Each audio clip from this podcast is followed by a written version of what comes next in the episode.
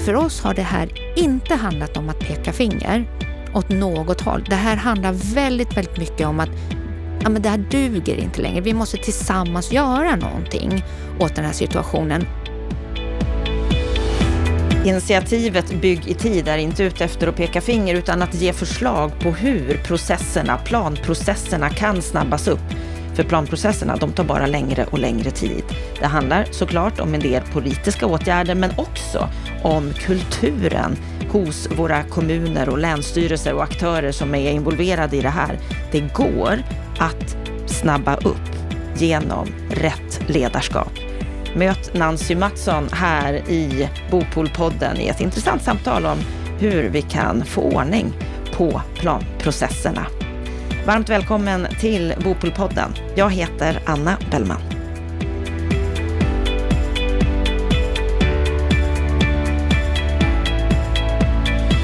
Idag tar det i snitt fem år från att en planprocess inleds tills dess att ett första spadtag kan tas. Det här bromsar ju upp bostadsbyggandet. Det påverkar ju faktiskt hela samhällsutvecklingen och det vill initiativet Bygg i tid ändra på. Och därför lanserar de alldeles nyligen här en reformagenda med 16 skarpa förslag för att just snabba upp tiden från idé till bygglov. Det handlar både om att se över befintlig lagstiftning och förordningar men också om att effektivisera berörda myndigheters arbetssätt och främja en ökad samverkan. Och för att riktigt förkovra oss i detta ämne så har vi bjudit hit initiativets ordförande. Varmt välkommen till Bopolpodden, Nancy Mattsson. Tack så mycket. Vad är din sinnesstämning idag? Ja, men förväntansfull. Eh, nu har vi ju alla möjligheter att Eh, göra någonting. Vi har en ny regering, vi har en ny bostadsminister som är supertaggad på att komma igång med sitt jobb, tänker jag. Ja, du tänker det. Tror att han är det också? Ja, det tror jag. Alltså ett nytt område som man ska läsa in och eh, jag tror också just den här kombinationen bostäder och infrastruktur är en bra kombination. Mm, det är inte alla som är lika övertygade om det, så vi får hoppas att du har rätt i det, för det måste ju hända saker inom det här området. Och vi ska prata om ert initiativ och, och vad det är ni föreslår. Men först lite om dig, för den som inte känner dig. Du jobbar ju inte bara med initiativet Bygger tid, utan du är ju också chef på JM Förvärv för projektutveckling. Jobbar bland annat då med detaljplaner och exploateringsavtal. Du har många års erfarenhet från kommunal myndighetsutövning. Du har också skrivit boken Handboken om PBL. Och dessutom så är du då styrelseordförande bland annat för initiativet Byggetid men också för Bofrämjandet och Trygg bostadsrättsmarknad i Sverige. Arkitekt i botten, har varit stadsarkitekt på Lidingö i början av 2000-talet. Du har också varit väldigt engagerad i politiken för Liberalerna på Lidingö men, men kliver av det nu. Varför då? Nej, men jag tycker att jag har mycket eh, att göra, om jag ska vara helt ärlig. Eh, och framförallt i, i samhällsbyggnadsbranschen. Här kan man ju påverka på olika sätt. Men med alla de här uppdragen som jag har så jag känner att jag måste fokusera eh, och också åstadkomma nytta där jag tror att nytta behövs och, och skillnad behöver göras. Och jag tycker det här kanske låter lite konstigt men, eh, när jag säger det själv till och med. Eh, men men eh, jag tycker jag är hyfsat bra faktiskt på det här området. Just för lagsystemet, eh, för, för plan och bygglagen och det som krävs för att få till ett samhällsbyggande. Eh, och jag tror också på det här att jag har foten och liksom min vardag i, i det här området. Och att just se de här olika delarna och hur de kan samverka till att hitta nya lösningar. Jag tycker att jag liksom med åren också skaffat mig den erfarenheten, kunskapen och kompetensen att, att göra den här förändringen. Många tycker att det händer ju alldeles för lite när det gäller samhällsbyggnad. Vi ligger efter när det gäller bostäder. Det är många grupper som är utsatta, verkligen, inom mm. det här området. Mm. Mycket sant. Och jag brukar säga när, när jag rekryterar medarbetare i, i, i mitt jobb, så, så när man träffar rekryteringsbyrån eh, så, så brukar de alltid, ja men vad, vad, ska vi trycka på? Vad är det man ska prioritera? Om man ska vara en duktig samhällsbyggare, projektutvecklare som är inne i de här ganska långa processerna. Då brukar jag säga så här att ja, jag tror att man ska vara väldigt, väldigt otålig men ha ett enormt stort tålamod. Mm. Två egenskaper som är viktiga och som kan ja. vara svåra att också ha. Du, du verkar ju inte alltid ha så mycket tålamod för du kommer med nya initiativ. Du driver på saker, du vill förändring. Och bland annat då när det gäller det här initiativet Bygg i tid. Där bland annat då JM finns bakom som en av bostadsutvecklarna men också Skanska, Riksbyggen, Aros bostadsutveckling och K-fastigheter. Vad var bakgrunden till det här initiativet? Ja, jag tror att eh, vi har ju i branschen träffats under väldigt många, många år i olika sammanhang. Alltså man träffas på konferenser, man har eh, mässor och, och, och sådär. Um, och vi har våra branschorganisationer. Att frågan som vi har drivit om att vi tycker att processerna blir krångligare och krångligare och det tar längre och längre tid. Den har ju funnits hela tiden. Eh, det som jag tycker eh, någonstans, alltså så här i efteråt, som, som gjorde att vi kanske den här gången samlade oss, det var att eh, vi har ju under många, många år följt upp de här ledtiderna. Men såg för två år sedan, ja, ett, ett, två år sedan att men nu har det hänt någonting. Det har hänt någonting som gör att det tar längre tid än någonsin tidigare och det kräver fler utredningar än någonsin tidigare. Och det där börjar vi testa på varandra. Så är det bara vi som känner så här? Och det var faktiskt väldigt många företag och bolag i branschen som, som ställde den frågan. Eh, är det fel på oss eller är det fel på någonting annat? Eh, och ur det samtalet eh, och de här undersökningarna som vi har gjort kontinuerligt genom åren, vart femte år så har vi mätt de här tiderna. Eh, då såg vi att jo, men det har faktiskt hänt något. De senaste fem åren så har det faktiskt hänt någonting. Och vad är det som har hänt? Ja, men vi tror idag när vi har eh, gjort den här undersökningen och vi har gjort ett antal djupintervjuer med, med samhällsbyggnadschefer, planchefer, bygglovschefer, handläggare, exploateringsingenjörer eh, länsstyrelser så ser vi ju att eh, de här lagstiftningarna som vi har idag, vi har gjort dels otroligt många förändringar av plan och bygglagen de senaste 15-20 åren. Jag har ju suttit med i, en hel del av de här statliga utredningarna som expert. Eh, så så jag vet ju att de har gjorts med goda intentioner, ambitionen att det ska gå fortare. Det har det inte inte blivit, om jag säger så. Det har snarare tagit betydligt längre tid. Det har tagit längre tid och då började vi fundera också på eh, vad finns det i de här mötena? För när, me mellan de olika lagstiftningarna, alltså plan och bygglagen, miljöbalken, fastighetsbildningslagen, allt det som ändå hör samman med samhällsbyggande. Eh, så att vi undersökte det, vi frågade lite eh, djupare kring de här eh, delarna och ser ju i de här svaren, men också det vi själva ser eh, i, i de projekt eller detaljplaner som vi har djupstuderat.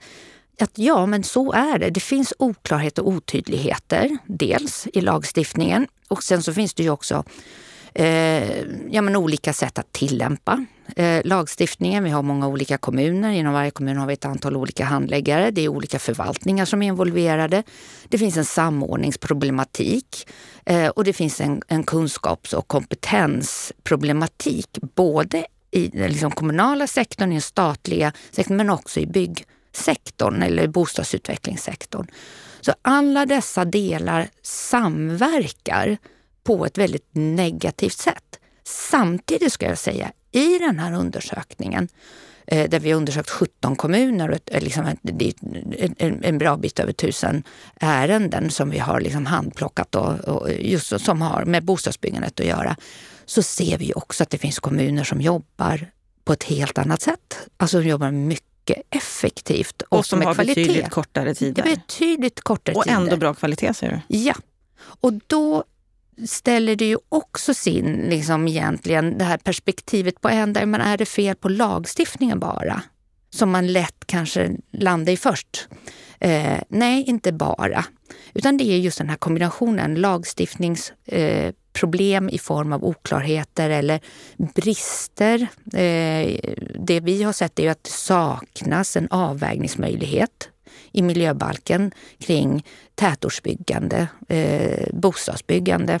Det saknas kanske också en tydlig instruktion eller förtydligad instruktion till Länsstyrelsen att prioritera bostadsbyggandet och tätortsutveckling. Eh, det är ju ett reellt problem för handläggare eh, när, när de ska hantera ett planärende, ett bygglov, ett tillståndsärende.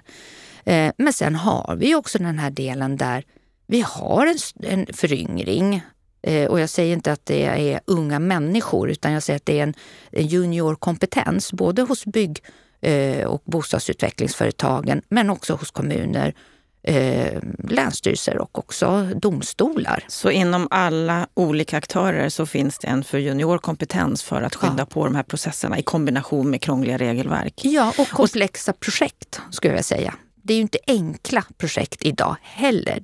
Men skiljer det sig åt från kommuner? Därför att om vi ska titta då på hur långa de här tiderna är. I inledningen så sa jag att i snitt fem år. Mm för en planprocess medan det i vissa kommuner går betydligt fortare mm. och i andra kommuner, som exempelvis Stockholm, då, mm. tar sex år i mm. snitt. Mm. Varför skiljer det sig åt mellan kommuner?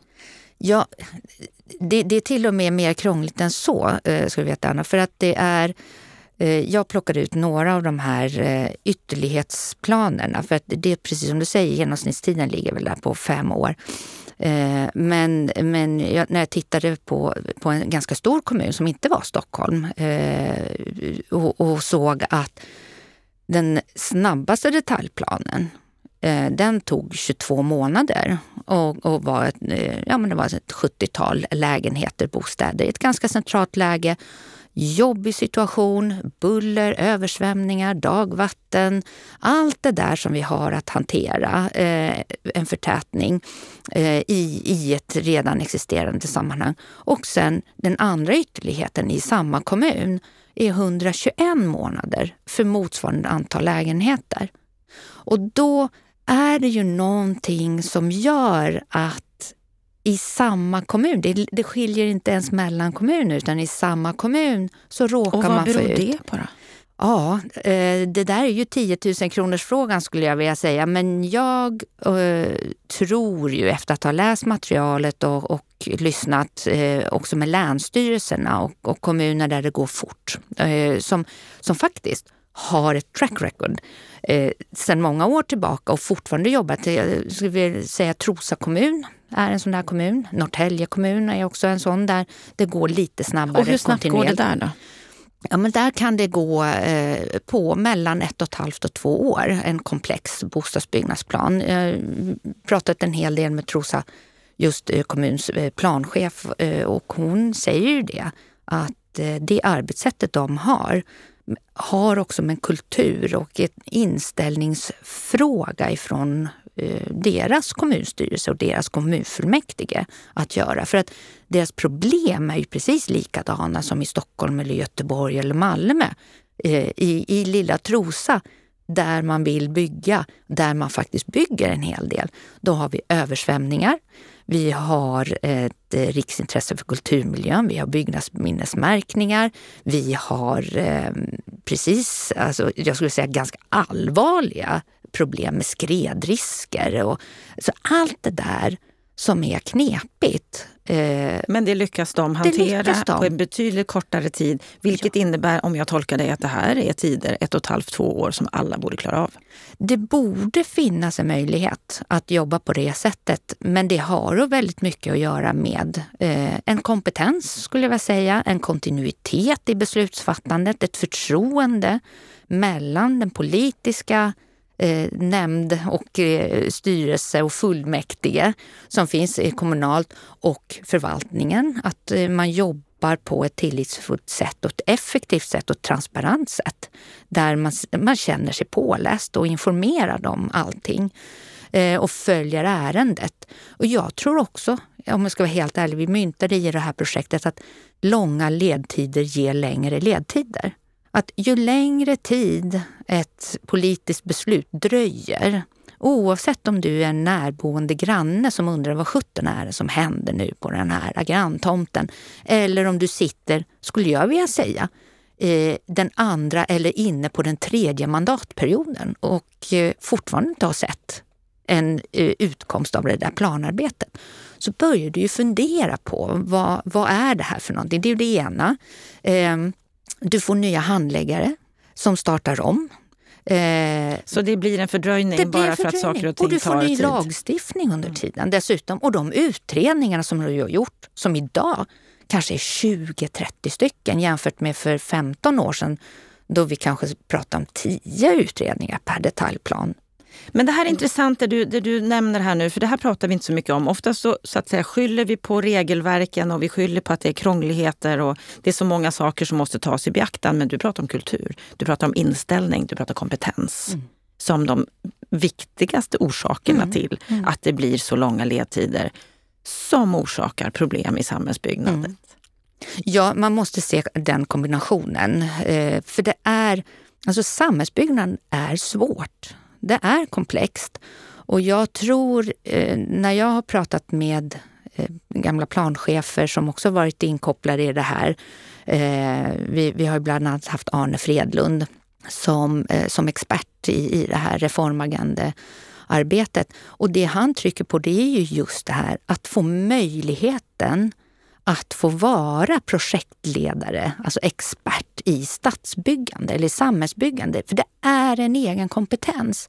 Idag har vi liksom inte den möjligheten att, att, eh, att egentligen fördjupa kunskapen.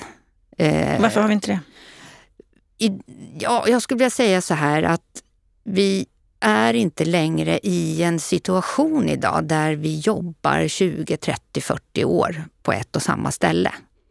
Utan vi flyttar på oss och det tycker jag är helt rimligt och sunt.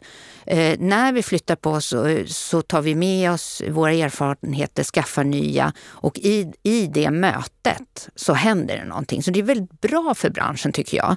Att man kan vara konsult eh, ett tag, man kan jobba på kommun ett tag, man kan vara byggherre och så kan man snurra runt i det här. Eh, men i realiteten idag när du går in som en medarbetare eh, på en byggnadsnämnd, eh, ett stadsbyggnadskontor, då får du ju också nycklarna till en myndighetsutövning. Det är ju en, det är en maktutövning. Och eh, dels det. Eh, du kan vara jätteduktig arkitekt, du kan vara duktig ingenjör, du kan vara duktig ekolog. Men i den här processen då behöver du kunna binda ihop många, många fler faktorer och frågor. Eh, du behöver kunna annan lagstiftning eh, som träffar det här. Du behöver vara generalisten som ställer rätt frågor. Och det utrymmet finns inte riktigt när du kommer som ny på jobbet, utan du kastas in i de här eh, processerna eh, och projekten. Därav att det brister i kompetensen. Ja, jag tror det. En, en fråga då, om vi bara ska vara helt konkreta. Vad, vad är problemet? Vad är de stora samhällseffekterna av att de här ledtiderna är så här otroligt långa? Ja, alltså den uppenbara konsekvensen av det här, eh, där släppte vi en rapport i våras som Evidens gjorde åt oss Eh, då undersökte vi de samhällsekonomiska konsekvenserna av de längre ledtiderna. Det som är uppenbart det är ju att varje års förlängning av en ledtid kostar ju någonting. Den kostar ju ökade produktionskostnader. Det gör ju att vi inte kan starta projekt när vi borde ha startat. Vi kan inte möta marknaden på ett förutsägbart sätt. Och det gör ju också att egentligen projektgeografin, den krymper. Då är vi i de här säkra eh, geografierna och marknaderna. Så att, eh, det har en direkt konsekvens på att brandmannen eller sjuksköterskan eller polismannen eller förskolläraren, de hushållen som har normalinkomster, de kommer lite längre ut i geografin om de ska kunna skaffa sig sin bostad.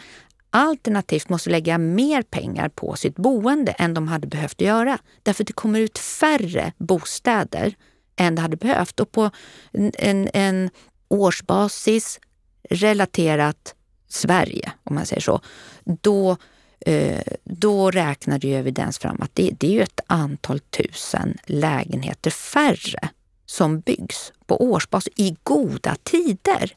Så det här får man ju se att det här var ju för något år sedan. Mm, nu är det idag, lite andra tider. Ja. Så då det inte byggs effekt, av andra skäl. Nej, precis. Mm. Och det är det här som är det orimliga i det systemet vi har idag. Att men det vi ser det är ju att vi har ju stora behov av bostäder men de är inte lika stora i hela landet. Vart är det värst någonstans med tanke på långa ledtider skulle du säga? Ja, men jag tycker det är problematiskt att eh, att det är långa ledtider i tillväxtregionerna. Och tillväxtregionerna, det är ju där universitetsstäderna finns. Det vill säga dit unga människor söker sig för att få en utbildning som kanske tar sina första steg på arbetsmarknaden. Eh, det är där som, som flest förändringar i hushållskonstellationer finns. Där man skiljer sig, man gifter om sig eller skaffar sambo. Man ändrar struktur, man behöver en ny bostad. Så trots att de är under press att verkligen få till fler bostäder och bygga så har de långa ledtider? Ja. De har inte rätt inställning och kompetens? Och kultur för det här? Nej, men det är, det är så och därför är det också vårt förslag, förutom då att titta på lagstiftningar eh, och, och, och vår syn på det här är ju att man behöver inte göra så jättemycket. Alltså det är små, små justeringar som behöver göras. Det är förtydligande. Det är uppenbart idag att saker och ting som har fungerat i årtionden i, eh, i vad gäller plangenomförande, samhällsutbyggnad, helt plötsligt är bortglömda. Vi sitter och förhandlar om frågor som egentligen är icke-frågor. Allt det måste förtydligas och lyftas ur. Vi kan inte ha processer där vi sitter och diskuterar vem som ska finansiera gatukostnad eller gatuutbyggnad i två, tre, fyra års tid. Jag har alltså konkreta exempel där detaljplanen har blivit framtagen på tre år. Men där diskussionerna om plangenomförande, det vill säga vem som bekostar vad, något som egentligen finns i lagstiftningen, det har tagit fem år. Och vi är inte i mål än i de här diskussionerna. Så här ser det ut i, i planprocesserna. Så att även om planhandläggarna och arkitekterna jobbar järnet, om jag ska vara helt ärlig, och gör den där detaljplanen på ett och ett halvt eller två år, ja men då kvarstår andra frågor att lösa ut. Det är orimligt. Det är en orimlig ordning. Så där behöver vi ett förtydligande. Möjligt att vi behöver skruva lite på lagstiftningen, men mer vägledning kring, kring vad som får lov och eh, avtalas om. Eh, men sen också vi behöver ju definitivt en utbildning, en vidareutbildning där branschen möts, alltså alla aktörer i branschen, kommun, stat och eh, bostadsutvecklare eller egentligen alla som är involverade i byggande. Det är ju några veckor sedan nu som i början på november, faktiskt samma dag som regeringen gick ut med sin nya budget så lanserade ni era 16 skarpa förslag för att komma till rätta med det här som både då, precis som du säger, har med lagstiftning och arbetsformer att göra. 16 konkreta förslag. Kommer de att eh, bidra till att korta ledtiderna? Ja, jag, jag tror verkligen att de kommer bidra till att korta ledtiderna. Eh, det är så lätt eh, att man eh, eh ja, om, om vi säger så här, när man, när man tittar tillbaks på allt det som branschen har ropat efter tidigare, eh, men också som politiken har trott skulle ge eh, ja, men väsentliga förändringar av, av processer och, och byggande. Så det är ofta att man tar tar i, så att säga, någonting med, med åtgärder som, som man också kan kommunicera på ett enkelt sätt. Och eh, eh vi, vi har eh, sett tror jag allihop att det har ju liksom lett åt en annan riktning, var så som vi började samtalet, att det har ju inte riktigt eh, gett de här eh, förenklingarna som man varit ute efter. Men jag tror att eh, det vi har försökt göra det är att utgå från faktiskt alla de statliga utredningar som har varit. Vi har eh, en hel del experter knutna till eh, den här reformagendan som också har en erfarenhet, alltså en konkret erfarenhet att jobba med de här processerna eh, som har varit inne i eh, både så att säga, myndighetsutövning men också den, den, den liksom politiska beslutsprocessen. Och det sammantaget tror jag också har lett till att vi har landat i de förslagen som, som stökar till det mest idag. Alltså så förslag som hanterar just de problemen. Där ni kommer med nya förslag på hur de egentligen borde hanteras? Ja, det är precis det. Och det är, liksom, det är verkligen kalibrering vi pratar om. Inte så stora förändringar. Inte så stora förändringar och därför borde det vara möjligt att göra det här. Men finns det några av de här förslagen som du ser, de här är viktigast för att vi ändå ska få ett stort resultat och komma framåt? Ja, det är absolut. Och vad är jag, det? Jag skulle vilja säga det vi föreslår i förändringar kring avvägningsmöjligheter i miljöbalken. Eh, och, och ska man nu vara lite nördig då så är det ju femte kapitlet, femte paragrafen då i miljöbalken. Om, om vi ser ut i andra eh, system eh, i, i Europa, där har man en miljölagstiftning som bygger också, som har ett utrymme för dispenser och undantag och avvägningar. Vi har inte riktigt det kring just tätortsutveckling och bostadsbyggande. Så hade vi fått in möjlighet, och då säger inte jag att bara för att vi får in en avvägningsmöjlighet, att därmed vinner alltid bostadsbyggandet. Tvärtom. Låt oss få en rimlig helhetsavvägning, en prövning av helheten. Där vi kanske ser att i vissa fall kan vi göra en kompensation. Kan vi göra någonting för att ändå eh, få igenom ett, både ett bostadsbyggande eller en samhällsbyggande och utveckling och ha fokus på miljöfrågorna i, i samma eh, område. Så att det är vad vi efterfrågar och vi föreslår också en, alltså en generell metodik eller metod för att komma till rätta med det här. Vad det gäller strandskydd. Idag har vi strandskydd liksom mellan 100 och 300 meter, alltså det vill säga långt in i vissa städer. Eh, vi, vi har ju städer som i sina översiktsplaner Eh, och i sin andra liksom, eh, samhällsplanering tar otroligt mycket ansvar och hänsyn till just alla dessa frågor som ska hanteras. Men där infrastrukturen är utbyggd, där eh, samhället har investerat och man, man hittar en lucka, om man säger så. Eh, det kan vara en gammal industrifastighet, det kan vara ett gammalt hamnområde, det kan vara liksom en lucktomt, vad sjutton som helst. Men där får man inte möjlighet att idag ens överväga dispens från strandskyddet. Det tycker vi är Det är en brist. ett sånt ämne som verkligen kan bli en stor förbättring. Ja. Ett annat av era reformförslag, det är det sista, nummer 16. Där står det incitament för kommunen att korta ledtider för planprocessen. Mm. Hur kan det se ut? Ja, men det finns ju eh, allt ifrån då att vi faktiskt måste få en, en tydlighet kring eh, vad som går att avtala om i exploateringsavtal. Det är start. Eh, I i eh, gatukostnadsersättningar. Eh, det är en fantastisk sammanblandning av frågor nu eh, kring LOU och moms och momsåtervinning. Det här låter otroligt tekniskt, men det har fungerat i 40-50 år där, där kommunen med lagstöd och med all rätt kan ålägga en byggaktör, en fastighetsägare, att bygga ut allmän platsmark, finansiera det och överlämna utan ersättning till kommunen. Så har det fungerat därför det är ett otroligt ändamålsenligt och effektivt sätt att bygga samhälle på. Det har man tyckt länge, om man säger så. Eh, även Sveriges kommuner och regioner har skrivit en hel del om det. Men helt plötsligt så finns det en fantastisk oro kring det här. Trots att Upphandlingsmyndigheten har gett ut en vägledning som säger exakt så här är det. Får kommunen någonting gratis, där de har ålagt så att säga, en utbyggnad, eh, då är det gratis. Det behövs inga eh, upphandlingar eh, och det behövs framförallt eh, ingen eh, fråga kring hur man hanterar moms. Det är inte längre en sanning, om man säger så, inte längre ett sätt att jobba på. Utan nu finns en oro att, att kommuner gör någonting fel. Vilket de inte gör. Där behöver vi ett förtydligande. Och det är det ni menar med ett förtydligande så att det blir tydligare incitament? Ja, och att mm. vi kan korta tiderna.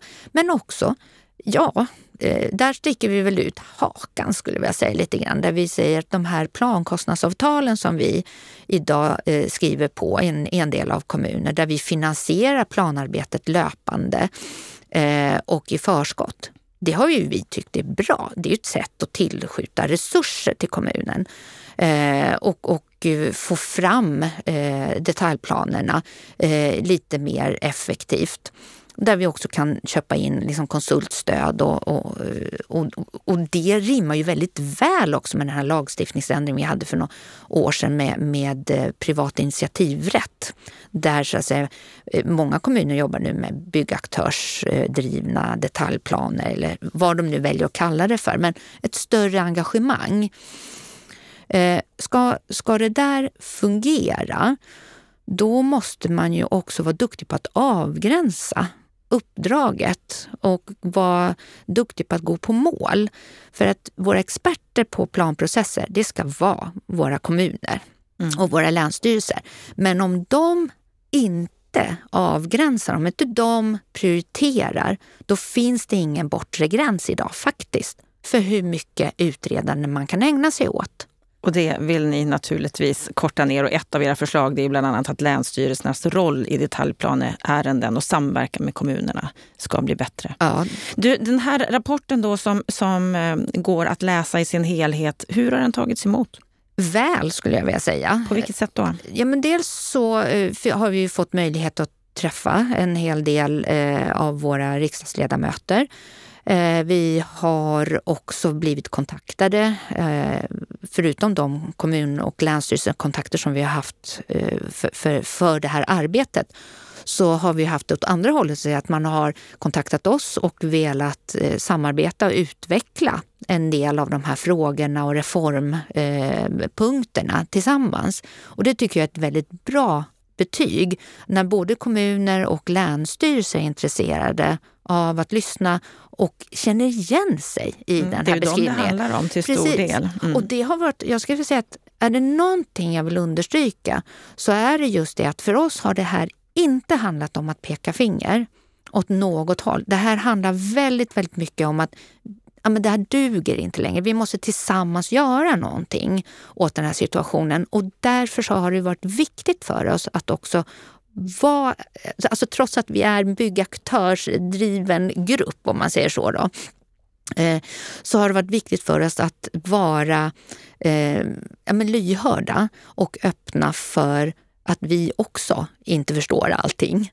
Eh, det är så, det är så enkelt att stå eh, på läktaren ibland kan jag tycka och det, det, det säger ju liksom mina gamla erfarenheter som, som, eh, som kommunal byråkrat att ja men visst, alla kan det här bättre än jag. Eller en vi viss här. ton men... av ödmjukhet här också. Ja, jag tycker eh, om vi tittar viktigt. på en annan som har, som har kommenterat det här initiativet så är det ju Stefan Attefall här Just. i Bopolpodden i mm. veckans Aktuellt för ett tag sedan. Han sa det här är inga storslagna sexiga förslag, inget man vinner val på, men bostadspolitik som verkligen gör skillnad i praktiken.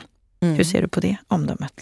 Ja, men det är ju ett fantastiskt fint omdöme att få eh, ifrån eh, Stefan som ändå har jobbat väldigt, väldigt många år med det här, varit minister, eh, vet vilka problem det har varit eh, och har varit på väldigt, väldigt många av frågorna. Så det känns väldigt bra måste jag säga. Någonting som gör skillnad i praktiken. Vad förväntar ja. du dig framåt? Jag förväntar mig att vi ganska snart kommer få möjlighet att träffa bostadsministern och eh, resonera kring det här. Jag skulle också säga att ledtider är bara en del av eh, vår bostadsministers eh, problembord. Eh, det, det, finns ju mycket som är kopplat till till bostadsbyggandet och samhällsutvecklingen och tillväxten just nu. Så att jag är inte dugg avundsjuk på, på hans eh, politikområden. Men de facto eh, så tror jag att han kommer kunna eh, komma en bra bit på vägen eh, just, just vad gäller just ledtiderna med, med de här förslagen. Så det skulle vi ju gärna vilja resonera med honom och eh, statssekreteraren kring. Sen eh, kommer vi ju under januari, februari, mars, april här nu eh, ha en serie fördjupningsseminarier, runda bordsamtal eh, som vi kommer bjuda in både experter, eh, expertpaneler, men framför allt alla som vi vill samarbeta med. Det vill säga kommuner, länsstyrelser, eh, även, eh, även liksom regeringskansliet eh, har varit väldigt trevligt. Det är många som är involverade i det här ja. området. Så, så då kommer vi höra mer ifrån er förmodligen och framförallt de som är berörda som ni vill ska se samarbeta ja. i det här. Precis så eh, hoppas jag att det kommer vara och att, eh, och att vi också den här gången kommer någon vart, tänker jag. För att det är, eh, det är mycket som har blivit sagt inom det här området under många, många decennier. Eh, och jag tycker vi har tagit många steg framåt men just nu gör vi inte det och det behöver vi gemensamt förändra för det, nej, det duger inte. Det duger inte och då behövs det folk som driver, ligger på och som får med sig andra på tåget. Stort tack Nancy Mattsson för att du kom till Bopolpodden. Tack så mycket.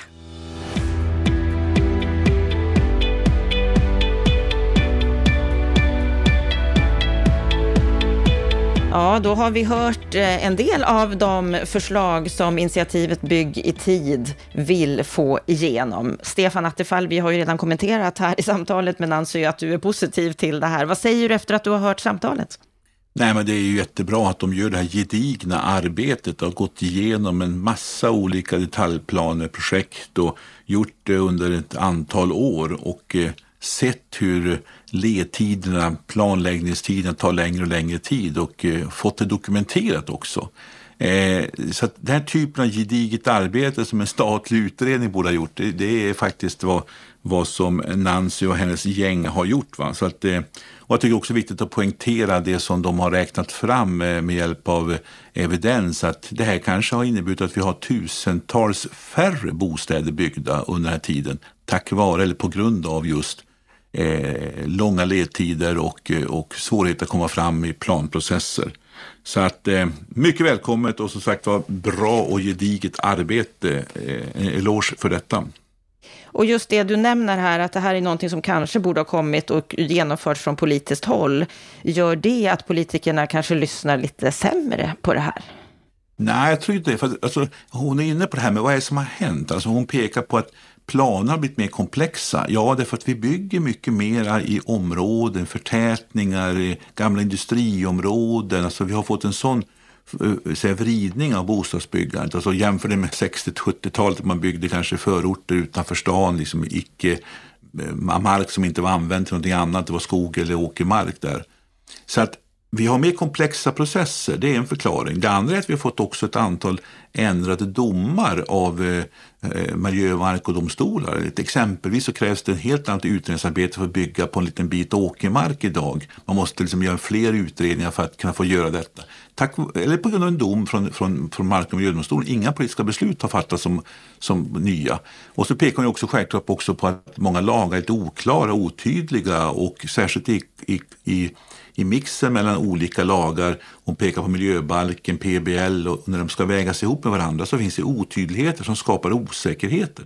Sen tror jag också att hon har kanske underskattat en poäng och det är att när vi har haft en högkonjunktur, vi har haft brist på folk, så har det skett en ganska stor rotation av människor på plankontoren. Då kommer många nya som är osäkra och vågar inte alltid fatta beslut utan kräver lite mera utredningar, eh, mer underlag för att kunna eh, gå till beslut. Och jag tror att många sådana här faktorer, inklusive självklart också politiska beslut och lagar, eh, har bidragit till det här. Och så finns det en kultur, ett ledarskapsproblem ute i kommunerna. Jag har påvisat många gånger skillnad mellan likartade kommuner, hur vissa kommuner bygger mera än andra kommuner, trots att de är samma storlek på kommunerna, samma tillväxtförutsättningar.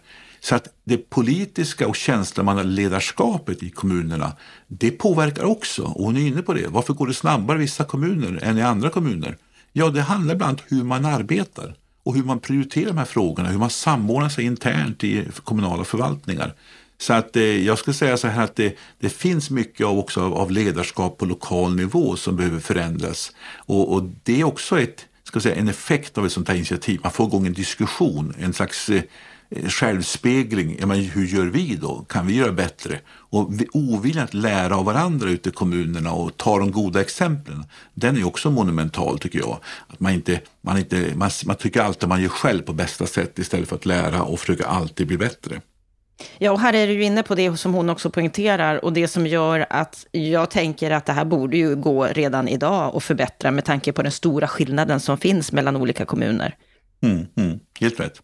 Och så har hon rätt också att en början plan blir långt och segdragen, då blir den ännu mer eh, lång och segdragen därför att lagstiftningen hinner förändras, man byter eh, handläggare, eh, det sker andra saker i samhället. Så att, Eh, det där blir ett självspelande piano i negativ riktning också. Så att, eh, men sen finns det också en kultur, vi ska, eh, tror jag, även planhandläggare och deras chefer måste tänka igenom alltså, vad är good enough? Det finns ju ibland ett behov att man ska utreda allt in absurdum. Eh, menar, och sen så är länsstyrelsernas sätt att agera också. Jag har många konkreta exempel på där länsstyrelserna är involverade i olika detaljplaneprojekt. Men de säger ingenting. Men sen när det kommer till kritiska punkter för beslut, ja då säger de ja men det här kan vi inte göra. Det här strider mot det här riksintresset. Och då kommer det sent in. Och här har politiken försökt också vidta vissa åtgärder för att eh, tvinga länsstyrelserna att vara ute i bättre tid. Eh, så det finns en del saker att göra ytterligare. Mycket kan göras eh, sagt var, inom systemets ram, men så har de ju många också goda lagstiftningsförändringar som också behöver göras. Och, eh, ja, kan de bli genomförda? Ja, mitt råd till den nya bostadsministern det är att ta Bygg i tid och deras experter gör en riktig seminariedag, på ett, eh, åk ut på ett slott någonstans eller var som helst och ta en riktig seminariedag och gå igenom det. Lär er de här sakerna och titta på vad är politiskt möjligt nu att omhänderta i lagstiftningsarbete. Vad ska man skriva in i regleringsbrev till myndigheter? Hur ska man driva processerna och hur ska man skapa opinion? För att det här är liksom vardagsarbetet som behöver göras för att vi ska få smidigare planprocesser. Därmed högre byggande och nu när det är mindre att göra på plankontoren för att eh, byggtakten går ner ett utmärkt tillfälle att lyssna, lära och praktisera nya metoder. Både från regeringens sida, myndigheterna, men också från kommunernas sida. Mm. Då skickar vi med det till Andreas Karlsson. Ta en dag, ta hjälp av experterna på Bygg i tid så att det händer lite grejer på det här området. Stort tack Stefan för din kommentar. Stort tack till dig som lyssnar på Bopolpodden. Gå gärna in på bostadspolitik.se, teckna dig gärna för vårt nyhetsbrev som kommer varje fredag. Och på fredag, då kommer också en veckans Aktuellt med det senaste som har hänt under veckan. Så jag hoppas att vi hörs igen då. Må så gott!